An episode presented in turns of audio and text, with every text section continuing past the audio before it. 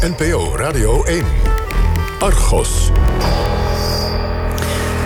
Er was afgelopen week enige opluchting over het feit dat het aantal bedden op de intensive care afdelingen in Nederland flink wordt uitgebreid. Om zo de grote toestroom van ernstig zieke coronapatiënten te kunnen opvangen. Er was bovendien hoopgevend nieuws over een uitvinding waardoor met één beademingsapparaat niet één, maar twee patiënten tegelijk konden worden geholpen. En dat is gezien het grote tekort aan die apparaten natuurlijk erg prettig. Maar het hoofd van de IC-afdeling van het VU Centrum, hoogleraar Amman Geerbus, plaatst daar kritische kanttekeningen bij. Luister naar het audiodagboek dat hij speciaal voor Argos bijhoudt vanuit zijn auto op weg naar of terug van het ziekenhuis.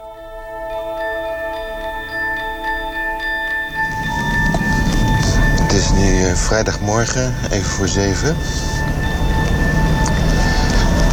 En dit gaat, denk ik, nu een weekend worden wat we nooit eerder meegemaakt hebben. Afgelopen dagen was zag je het resultaat van het harde werken de weken daarvoor. Dat we veel nieuwe IC-bedden gecreëerd hebben. En er zijn ook, we hebben gisteren veel uh, opnames gehad van patiënten met corona. En wat we nu zien is het plafond naderen. En wat ik nu zie en hoor is dat er heel enthousiast gedaan wordt over... Uh, ja, we kunnen het, we, we, we, redden het wel. In de Tweede Kamer wordt even gesproken... ja, we hebben nu zo... en de minister belooft... ja, er komen heel veel meer intensive care bedden. Maar dan moet ik nog een keer weer uitleggen wat een intensive care bed is. Dat is niet alleen een bed met daarbij een bewakingsmonitor en een beademingsapparaat... en wat pompjes om medicijnen te geven. Dat is een hele infrastructuur waarbij zeer deskundige medewerkers zijn. IC-verpleegkundigen, intensivisten, apotheek, fysiotherapie.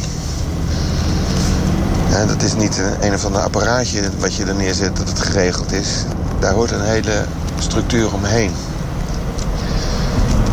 En wat je nu ziet is dat we ja, met weinig, relatief weinig middelen, dat we nu meer IC-bedden moeten maken. En dat er ook gewoon te weinig mensen zijn om dat een hoogstaand kwalitatief niveau te kunnen bemensen.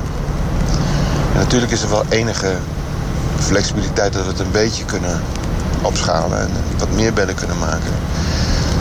Maar de schaal waarop het nu gaat, moet iedereen zich realiseren dat we wel zeggen dat we meer capaciteit hebben en dat we meer patiënten kunnen beademen. Maar dat kan natuurlijk nooit op dezelfde manier als dat wat iedereen van ons verwacht en gewend is. want we hadden in Nederland een fantastisch systeem voor intensive care. Het steekt internationaal heel erg goed af als we kijken naar overleving. Maar we gaan nu intensive care bedrijven met per patiënt veel minder IC-verpleegkundigen, veel minder intensivisten. En wat we nu bovendien krijgen, ik merk het nu zelf ook. De vermoeidheid gaat langzamerhand ook een beetje toeslaan. Dit wordt het derde of vierde weekend achter elkaar dat ik ga werken. En dat geldt voor heel veel van ons. Hele lange dagen. Dat ook nog wel eens in de nacht gestoord worden. Collega's die veel meer diensten draaien. Ja, wij zijn allemaal mensen van vlees en bloed.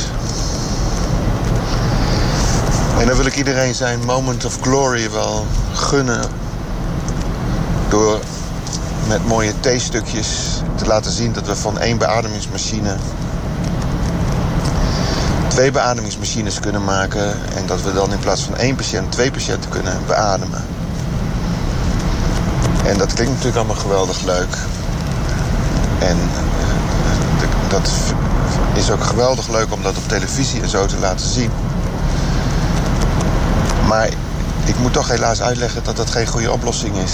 Want beademen, moet iedereen zich realiseren, bij zulke zieke longen, zoals we dat zien bij het coronavirus,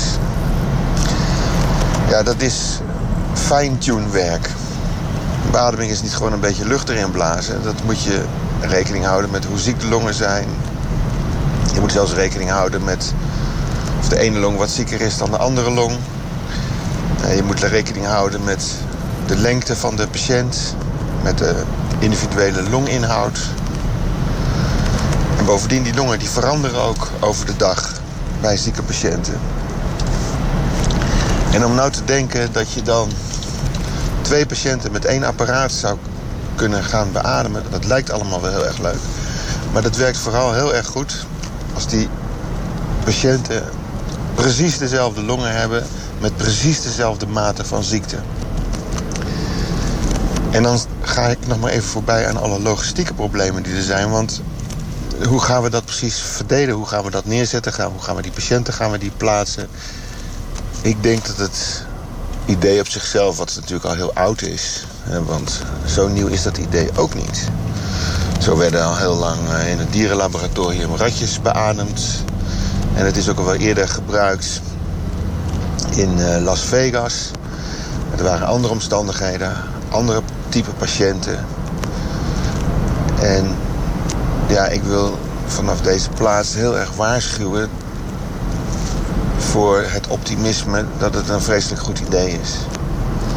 Leuk, maar niet zo'n goed idee en het gaat ook niet werken. want in plaats van één patiënt heel erg goed te beademen en dan wellicht de andere niet, gaan we nu twee patiënten slecht beademen. En we moeten ons realiseren dat de mortaliteit bij deze categorie patiënten sowieso al heel erg hoog is. Dus als je dan ook nog ze allemaal slecht gaat beademen... omdat ze met z'n tweeën aan één beademingstoestel eh, liggen... daar wordt het niet beter van. In het Frans zeggen we... fait pas avancer le schmidblik. Dus niet goed. Kijk, ik heb daar 35 jaar over gedaan om een beetje te begrijpen van de geneeskunde en van intensive care patiënten. En misschien zijn er een heleboel mensen vreselijk veel slimmer, maar die gaan dit niet even in een paar weken, een paar maanden of een paar jaar begrijpen waar ik zo lang over gedaan heb en mijn collega's zo lang over gedaan hebben.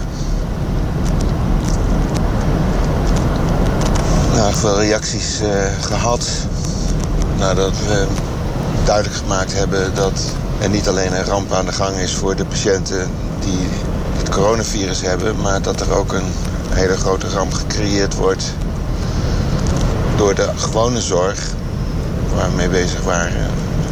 En die eigenlijk gewoon erop rekenen dat we door zouden gaan op dat niveau.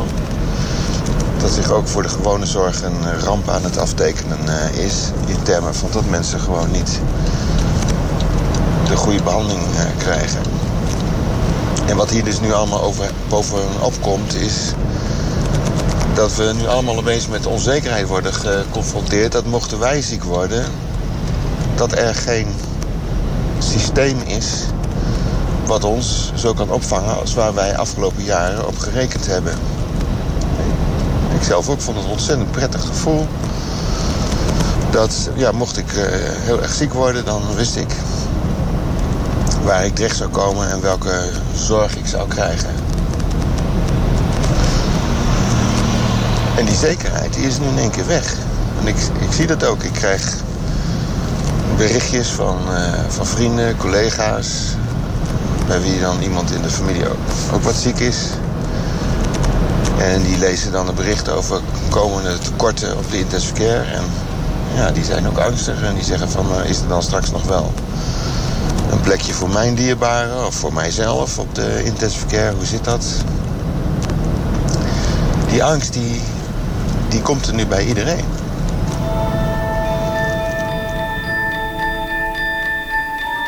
Ja, misschien moeten we bij hoopvolle ideeën en uitvindingen in de strijd tegen corona eerst even langsgaan bij de deskundigen. Wilt u meer fragmenten horen van IC-chef Geerbus? Dat kan. Op onze site vindt u bijna elke dag een nieuwe aflevering van zijn dagboek. Ga daarvoor naar vpro.nl/slash argos en zoek dan op coronadagboeken. Daar kunt u ook het dagboek beluisteren van de Bredaanse huisarts Joep Kamphoven.